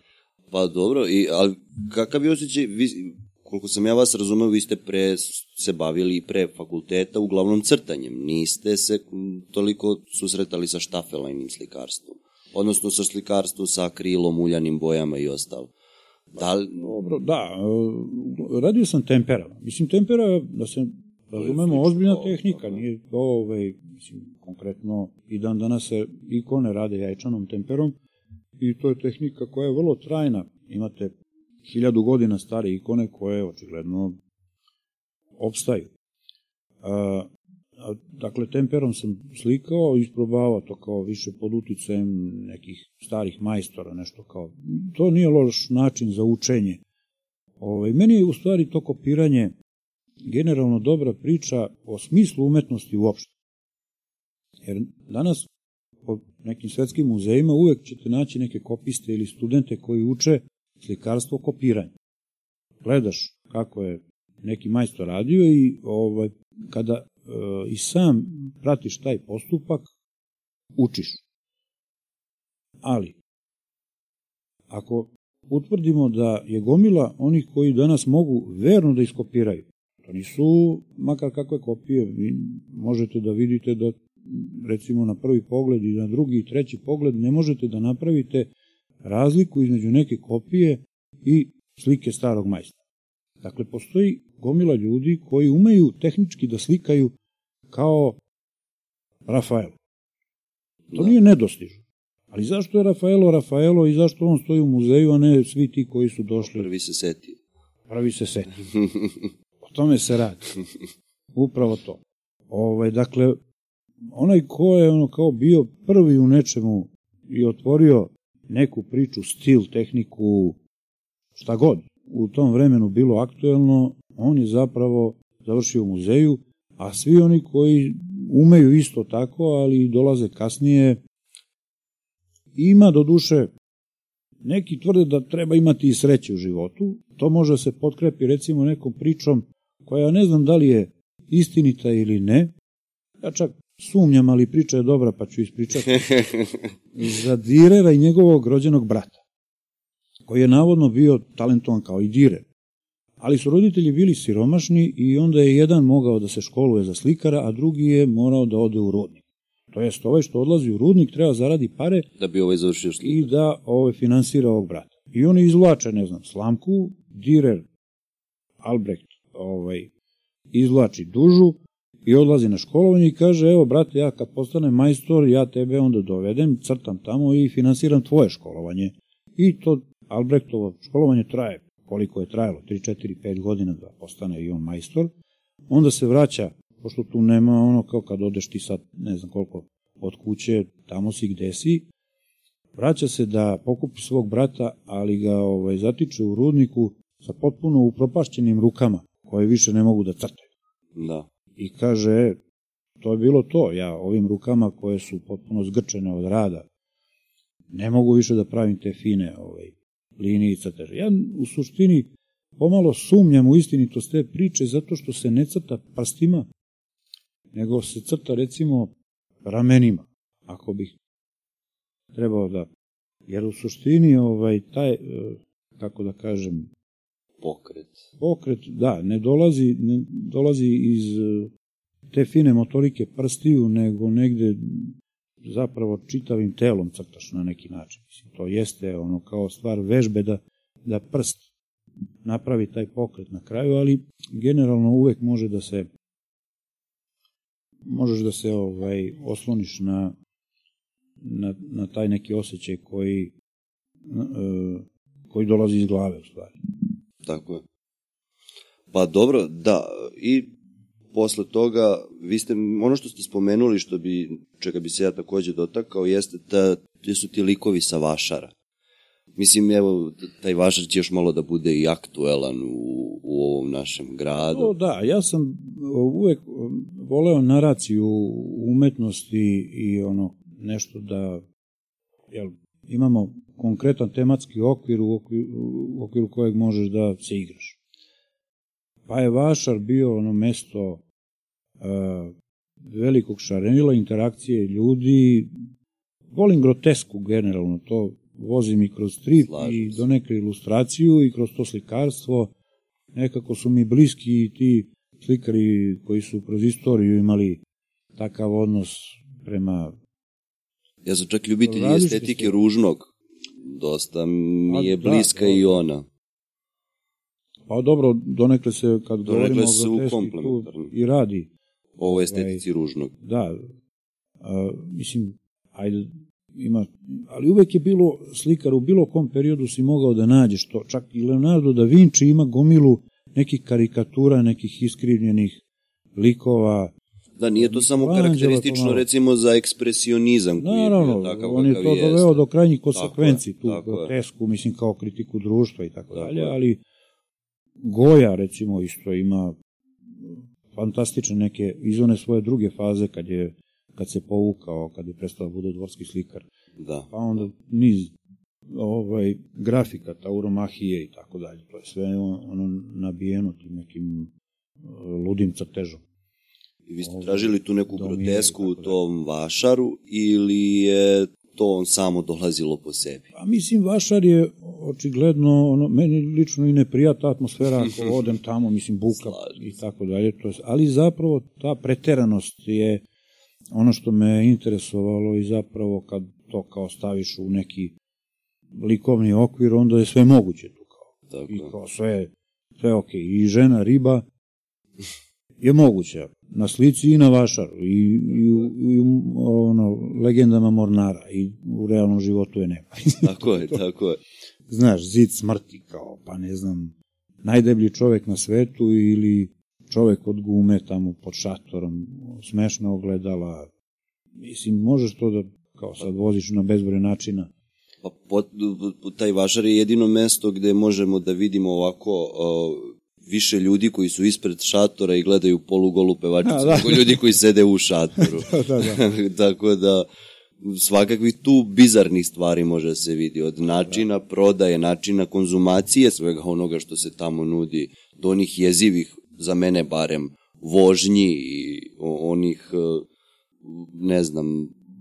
Pa da, to je ono kao izmeštena izmeštena socijalna situacija. Dakle, Tako. to, jel, dogovoreno mesto susreta gde kao to nije ovaj nov izum, od uvek je bilo tih fešti festivala, maškara, kako god to ovaj, nazvali. nazvali, ali da, po- postoje neki period u, u svakoj zajednici gde ti sad moraš da otpustiš kao neki ventil nekoliko dana, se prave gluposti i onda ćemo pričati godinu dana narednih o tome. do sledećeg datuma. To je sad Da. ovaj, zanimljivo.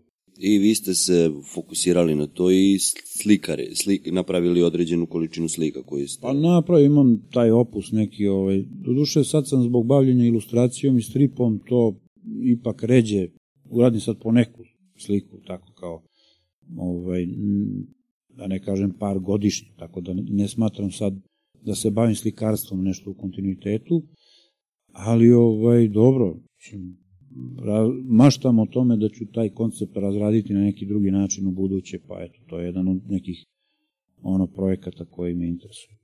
I Bavite, dalje, i dalje. znam da ste izlagali svoje fotografije, bavite se i fotografijom. E,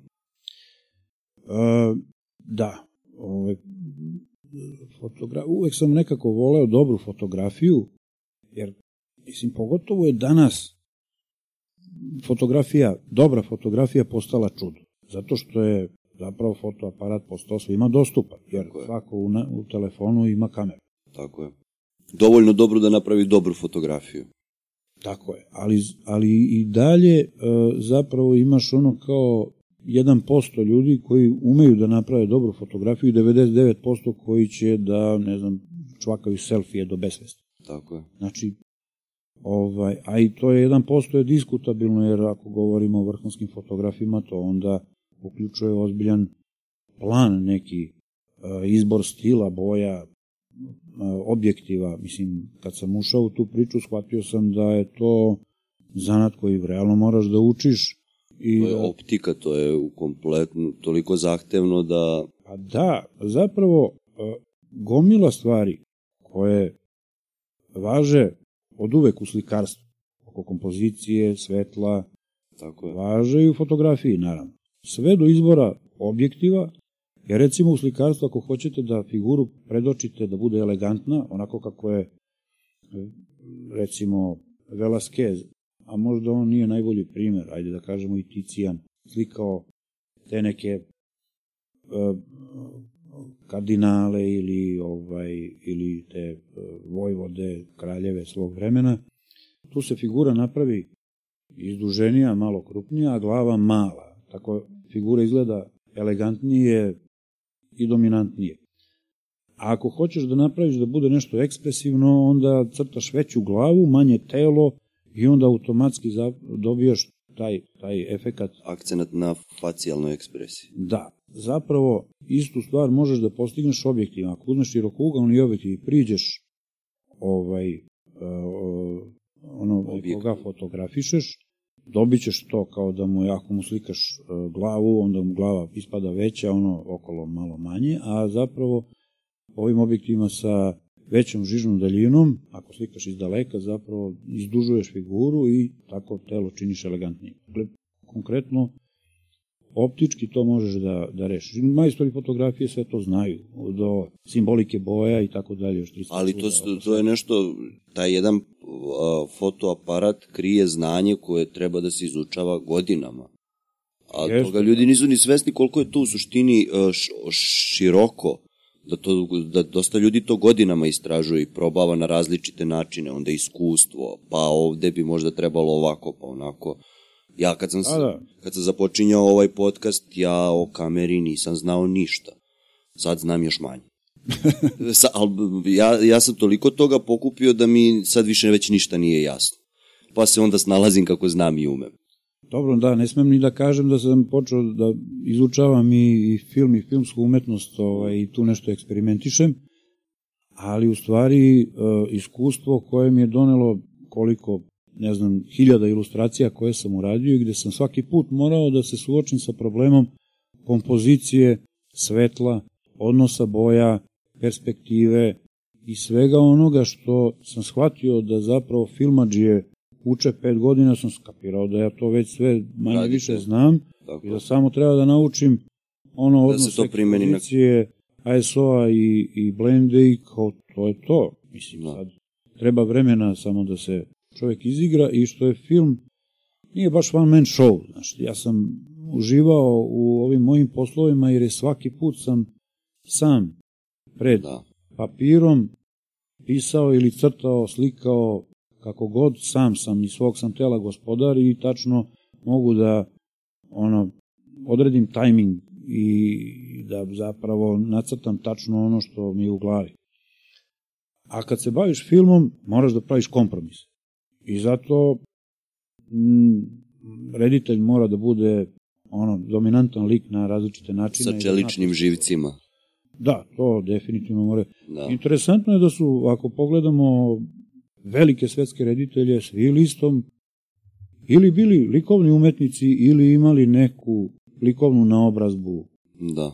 makar i kao Saša Petrović kao istoričar umetnosti i tako. Znači znao je sve o, o likovnoj umetnosti pre nego što ušao u film. Pa to kad je bio moj prijatelj sad podešavamo svetla, samo svetlo podesiti za, za određeni kadar je toliko komplikovano, a gde je sve ostalo.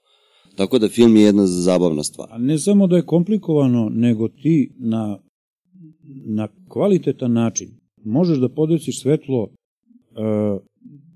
pod različitim uglovima. Zavisi šta hoćeš da Šta ispričaš želiš da postigneš sa tim svetlom? osvetljenjem. Tako da. je. To je, To je kompletna nauka koja se sama za sebe tako je, izučava. ako imaš majstora svetla, Tako koji je, majstor znači- svetla. Nema ti šta tu da se mešaš kao, Da, da. kao neko sa strane. E, dobro, pa vi ste onda im- imali takođe i strip, e, bavili ste se dugo stripom, Ustat, e, seriju radova.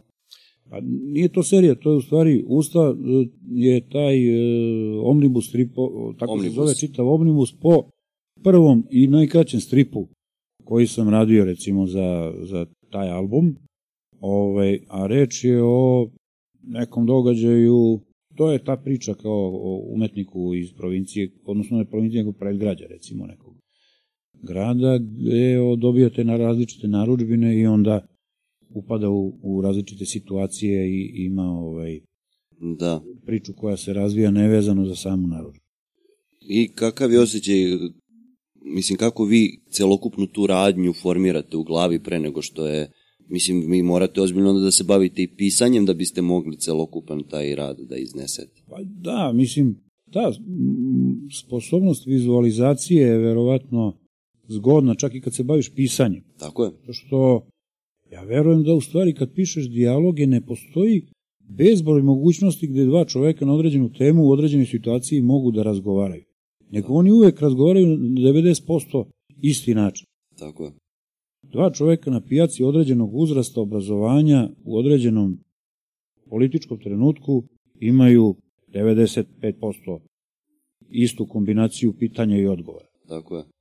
I sad, ako ono... Ali osoba umeš koja nikad nije uzela da piše dijaloge, ne zna koliko je to u suštini teško da ti napišeš dijalog koji će u isto vreme da potkrepi priču, a u drugo, a, a, a takođe da bude i realan i prihvatljiv. Gde neće biti neke, nekog preterivanja, a, podcrtavanja, viška reči. Da, osim ako ti junaci, a to je ono premudstvo onoga kad ne pišeš po poružbi, nego pišeš svoj autorski rad, ako izabereš junaci, pošto ja volim grotesku i tu, onda biram ljude koji su na margini na određeni način ili su kriminalci ili imaju probleme sa zavisnostima i tako dalje i onda zapravo ih izmeštamo iz ordinarne situacije u kojoj će neko da reaguje na određen način, a ovaj će reagovati na svoj način zato što je drugačiji od većine ljudi. Tako Sad to može da bude i tužno i smešno, zavisi sad kako naviješ čitavu atmosferu. To je ono što su meni e, pričali u, u školi glume, narkomana, alkoholičara, e, prostitutku i e, psihičkog bolesnika je najteže igrati iz jednog razloga zato što nikada ne možeš da predvidiš njihovo ponašanje. Mm, U, u suštini možeš, Da. a i kako će on reagovati na određenu stvar nikad ne možeš predvideti. Ne može ni ona, kamo li neko Pa, drugi. o tome se radi. Da, da, što da. ni on ne zna kako će odreagovati. Da, da. On na isti nadražaj može tri puta totalno različito da, verovatno. odreaguje. E sad tu treba ovaj, paziti da ne upadneš u zamku, da ne postaneš banalan. Mislim, Tako da, je, banalizuješ određeni Evo, problem. ako Da. si pijanac, da ne moraš da baš te turaš uvek i da brljaš dok govoriš, nego možeš... To je ono Na ključna stvar, ako igraš pijanca, ono što ti moraš sebe konstantno da ubeđuješ da ti nisi pijan. Jer to svako osoba koja radi kad se napije, ona sebe ubeđuje da nije pijan. Ja nisam pijan. Da, da, da. I ti onda odigraš pijanca koji, ja pijem. Ne, ja nisam pijen. Glumom sam se najmanje bavio u životu, ali uh, Ali kroz pisanje, svaka osoba koja napiše bilo što ona se u tom trenutku Dobro, bavila i i glumom. zamišljaš da kao neko, a verovatno interpretacija toga od nekog glumca bi bila nešto treće. To je ta, sasvim nešto drugo. Lale Andrić, sad pokojni već, moj da. prijatelj, e, mi je rekao, pošto se on bavio e, i filmom i pozorištem i pisao naravno sve na različite načine, a bavio se i glumom nešto u mladosti, mi je rekao, kaže, gluma, to ti je ono najvažnija scenska umetnost. Kao, imaš ti i pisca i reditelja i sve okolo što treba da podrži to, ali kao taj glumac koji treba to da iznese, ta je najvažniji i kaže ja sam najviše uživao dok sam glumio. Jer on je napisao, mislim, gomile tekstova i, prepravljao tuđe i tako dalje, ali kao gluma to ti je ono kao jedan poseban dan. Tako je, i to što, sa- što, to što sam ja u, toku, u stanju da u toku pisanja celokupnu tu scenu odglumim i proživim, ne mora da znači da će moje telo moći to isto da iznese na Da, da. prirodan način. Tako da, uh, dotakli smo se i tog stripa i svega toga. Uh, kakvi su vaši planovi za budućnost? Šta biste voleli u budućnosti da radite? Onako malo više. Pa čuj, ovaj, nisam uopšte siguran Jer ste vi, da li imam budućnost. Jer vi ste sad u stiže- najboljim godinama. Stiže veštačka inteligencija i nedavno sam zamenjen ovaj, Da. o, mašinom. Pa ka- kako je vaše mišljenje što se toga tiče? pa, evo, mogu da ispričam moje lično iskustvo. Može. Ovaj, dakle, dobio sam posao da eh, za jedan projekat za promociju turizma na Divčibarima nacrtam sedam ilustracija za sedam novokomponovanih pesama o Kraljeviću Marku pisanih u desetercu. Pesme su napisane duhovito, zaista su ovaj, zanimljive, kao odjednom kao imaš nove pesme o Kraljeviću Marku, a zvuče kao da su stare 300 godina. Ali me uhvati leto, neki odmori i tako dalje, ja otegnem posao. A urednik, pošto i sam kreativan čovek i bavio se i grafičkim dizajnom i onako jedna otvorena priroda prema novim iskustvima, sedne i sad ne znam da li je mm, ono platio Mid Journey ili neki drugi od tih programa, uglavnom uradi on 7-8 tih ilustracija, pošto mu je dojadilo da me čeka. ja se uopšte ne ljutim i lepo smo se posle ispričali, niti se ja ljutim na njega, niti on na mene što sam toliko kasnio, pa je on Da, da. morao da pribegne ovaj pravljanju veštačkih ilustracija uglavnom. Ja sam video ovaj rezultat njegovog i Midjourneyevog posla i to su ilustracije recimo veštačka inteligencija ima jedini sad još uvek, još uvek problem sa šakama. Inače je verovatno nedostižna smrtnom čoveku, to jest uvek na planeti postoji ono kao, ne znam, verovatno 10 genijalnih kineza koji mogu da rade kao mašina i mogu da crtaju kao veštačka inteligencija, ali ne mogu tom brzinom. Zato što je tom Midjourneyu potrebno 5 do 10 sekundi da izbaci a, recimo vilu ravijaju na oblaku dok Marko ispod e, oblaka jaše konja i da sve izgleda kao da je Rafaelo radio mesec dana. A jedino, jedini problem što će imati pet više prstiju. Nego. Jedini problem što su tu prsti nešto kao neki oktopodi, onako, kao neki pipci. Ali ja verujem da će to u roku od godinu ili dve dana da bude rešeno i da će i prsti da budu dobri. Dakle, u nekom vrlo kratkom periodu, u zavisnosti od onoga ko e, zadaje zadatak e, toj veštačkoj inteligenciji šta treba nacrta, jer je sva fora sad da budeš dovoljno bistar i kreativan kako da te Zadaš ključne zadatak. reči zapravo izabereš i da ti on uh, da rezultat najbliži onome što želiš. Ali svi će to ili neki će naučiti pre ili kasnije i kažu da je budućnost u tome da se u stvari udružimo s tim mašinama, eventualno popravljamo ono što je njihova mana u nekom trenutku ako je ima, tako da ja ono ne znam, e, postoje naravno ilustratorski poslovi gde ljudi neće dugo moći da budu tako lako skrajnuti jer ipak e, neke fine e, facijalne ekspresije, govor tela i tako dalje, neki drugi plan, ono, još uvek, barem za neki period, verujem, neće moći ovaj, ta veštačka inteligencija da stigne, ali ne znam, vrlo je ovaj, neizvesna, mislim to pratim i šta ono kao vodeći moderni mislioci govore na tu temu, pa šta da kažemo ono kao, ima, nek, ima recimo zanimljiv stav jednog hrvatskog, ja mislim da iz rijeke astronom, jedan Korado Karlovice zove čovek i kaže, čujte, naša deca nisu samo oni koje fizički rodimo i stvorimo, nego i oni koje vaspitamo i stvorimo na neki drugi način. A zapravo mi to sad upravo činimo sa veštačkom, veštačkom inteligencijom. Ovamo, onaj Harare kaže, ovo je kraj ljudske istorije. To nije kraj istorije, to je kraj ljudske istorije. Tako kao je. homo sapiensa, kao odeće vrste koja je najpametnija na planeti. Tako je. Ovamo, sad kako se zove čovjek koji kaže, ovaj, mi kaže, se susrećemo sa fenomenom koji smo uvek posmatrali, ako govorimo o vanzemaljcima, kao nekoj superiornoj rasi, samo što oni sad ne dolaze iz svemira, nego nam dolazi iz kompjutera i laboratorija. Tako. Kao to je nešto što s čime ozbiljno treba računati, pokušavamo da, mislim, fora je u tome što ti pa to ljudi ono... koji vode čitavu stvar uopšte ne mogu da predvide u kom će, ovaj, u kom će smeru otići. U kom će smeru otići do, recimo, rešavanja ekonomskih pitanja, ako govorimo o berzi.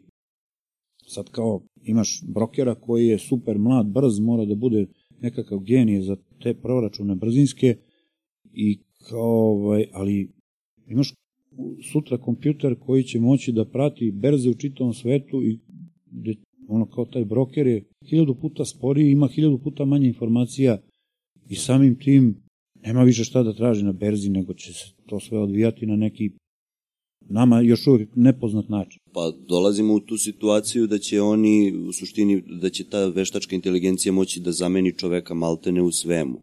Sad, koliko će te neke nespecifičnosti ili neke te sitne stvari za početak oni moći da obavljaju, to će se videti.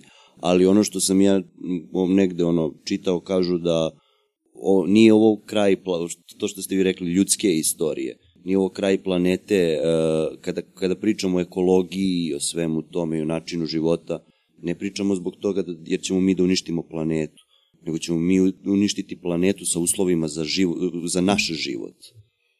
Da, i mislim očigledno radimo na tome. Radimo na tome jako uspešno, ako smo u nečemu uspešni, uspešni onda smo u tome uspešni, da. A da, mislim dobro, ovo osvešćivanje je krenulo, samo je pitanje Hoćemo li mi stići, a, vrlo je mal, mali vremenski period pred nama ono u kome možemo da nešto spasemo. Recimo, David Attenborough, ovaj engleski prirodnjak za koje kažu da on skoro čovjek ima 100 godina, ali kao nikad nije napravio pogrešnu prognozu, je pre deseta godina rekao je kao mi imamo 20 godina relativno normalnih uslova za život, a onda kreće pakao na zemlji.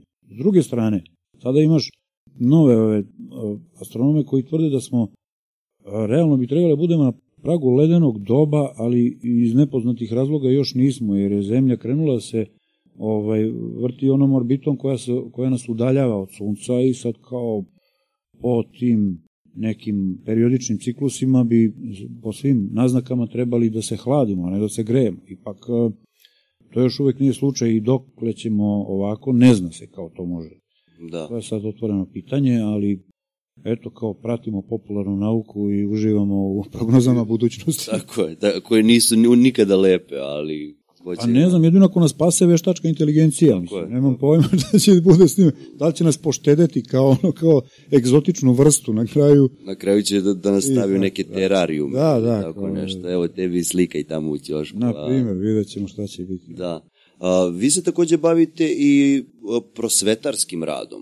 Vi ste započeli karijeru sa, sa radom u dizajnerskoj školi od koje ste uspešno pobegli. Pa dobro, mislim, ne mogu da kažem pobegao, prešao sam, A... što sam sticam okolnosti lociran u Obrenovcu, ovde sam ono kao rođen imao kuću i ovaj, tu sam bio oženjen, deca i sve ostalo, onda e, mi je bilo prirodno da posle jedno dve godine u dizajnerskoj predao sam tamo crtanje i slikanje, pošto sam završio fakultet. Pređem tu u obrenovačke škole i sad sam tu u Bariču, evo, pozdravljam moje đake i kolege, ovaj, već nekoliko godina. Tako, ovaj, zabavno je raditi s decom. U krajnjoj liniji, korona nam je pokazala da ono kao tip, svi su mogli da iskuse ono život čoveka koji ima ono kao taj samotnjački neki posao. Ono kad smo bili u lockdownu, svi su živeli onako kako sa, ono samostalni umetnici uglavnom žive. Da. Sami u svoja, Svoja četiri, četiri zida, nešto slikaš, pišeš Tako je. i tako. I onda su ljudi iskusili u kojoj meri im fali socijalna interakcija. A zapravo ne pada im na pamet da, da zapravo umetnici koji su ono kao ako se ne bave glumom ili nekim scenskim delatnostima koje podrazumevaju Tako. timski rad, znaš, pola umetnika su samotnjaci.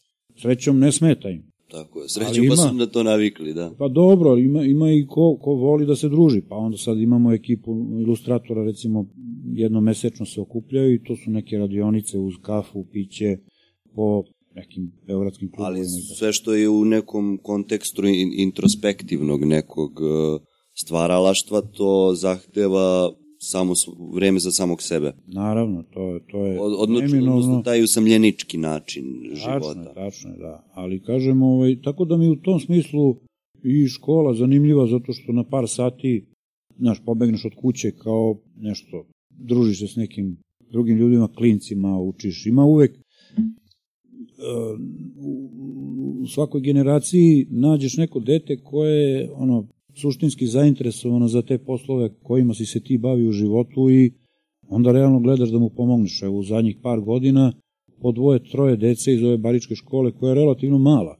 Upisuje umetničke srednje škole, neki posle nastave fakultet, pomažem im koliko mogu, pripreme i tako dalje, tako da ovaj, ima smisla.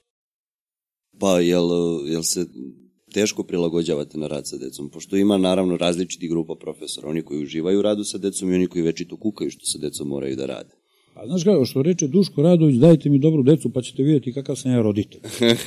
Zavisi na kakve natrčiš, ovaj, ima Da. onih koje ne interesuje umetnost uopšte u bilo kom obliku, ima I- onih koji interesuje. Pa to je ono što ljudi u I sad- suštini likovno kao predmet gledaju kao odmor. Kao odmor koji traje 45 minuta. A odmor, ali pre nekoliko godina je uh, jedan engleski stručnjak, sad ne mogu da mu se setim imena, ali čovjek koji se isključivo bavi procenom budućih zanimanja. Zapravo je uh, smatrao da će oni koji se bave likovnim umetnostima u vreme kada sve postane automatizovano, kad uh, ovaj zapravo kreativ e, e, škole koje uče ljude da razmišljaju na kreativan način će ovaj omogućiti tim ljudima da prežive buduće vreme. Jer ako ništa drugo i tu veštačku inteligenciju kada upregnemo da obavlja određene zadatke, moramo da budemo kreativni U Kada je- zadacima koje zadajemo. kada definišemo šta nam to treba. Tako je. Znači, i da onda to prepravljamo, verovatno će se sad to razvijati. Ali opet moraš da, da razmišljaš, Trodimenzionalno. da, sve dok veštačka inteligencija ne počne da razmišlja o tebi, onda će Tako biti je. mali problem, ali I za, ili za da tebe. bude, tako da. je, tako je. to je to, da. Dobro, Kosta, mislim da smo mi ispričali sve što se tiče tvoje karijere, koja je ovako poprilično zanimljiva, uzbudljiva i ko, nismo se dotakli nekih sad internijih stvari, ali to Dobro, nije za priču u nekim situacijama ili ako jeste, nema veze, možda drugi put. nema veze. Imaćemo, imaćemo povode da, za još jedno viđanje, što da, se da, kaže. Tako da, drago mi je što smo ovako porazgovarali o svemu. Nadam se da si uživao u ovom razgovoru koliko i ja. Me, hvala ti Luka, jesam. E, mnogo toga smo čuli danas i mnogo toga saznali, tako da nadam se da ćemo ovako još ponoviti, ali u nekom drugom segmentu možda komentara ili razgovora o nekim trenutnim situacijama, kao što smo recimo trenutno o ovom veštačkoj inteligenciji. Da, pa mislim, postoje sad različite zanimljive teme, ono, kao... Koje koji se valja značili. dotaći. Tako je. Da. Hvala vam puno. Hvala i tebi. Vid, vidimo se. Svako dobro. Da.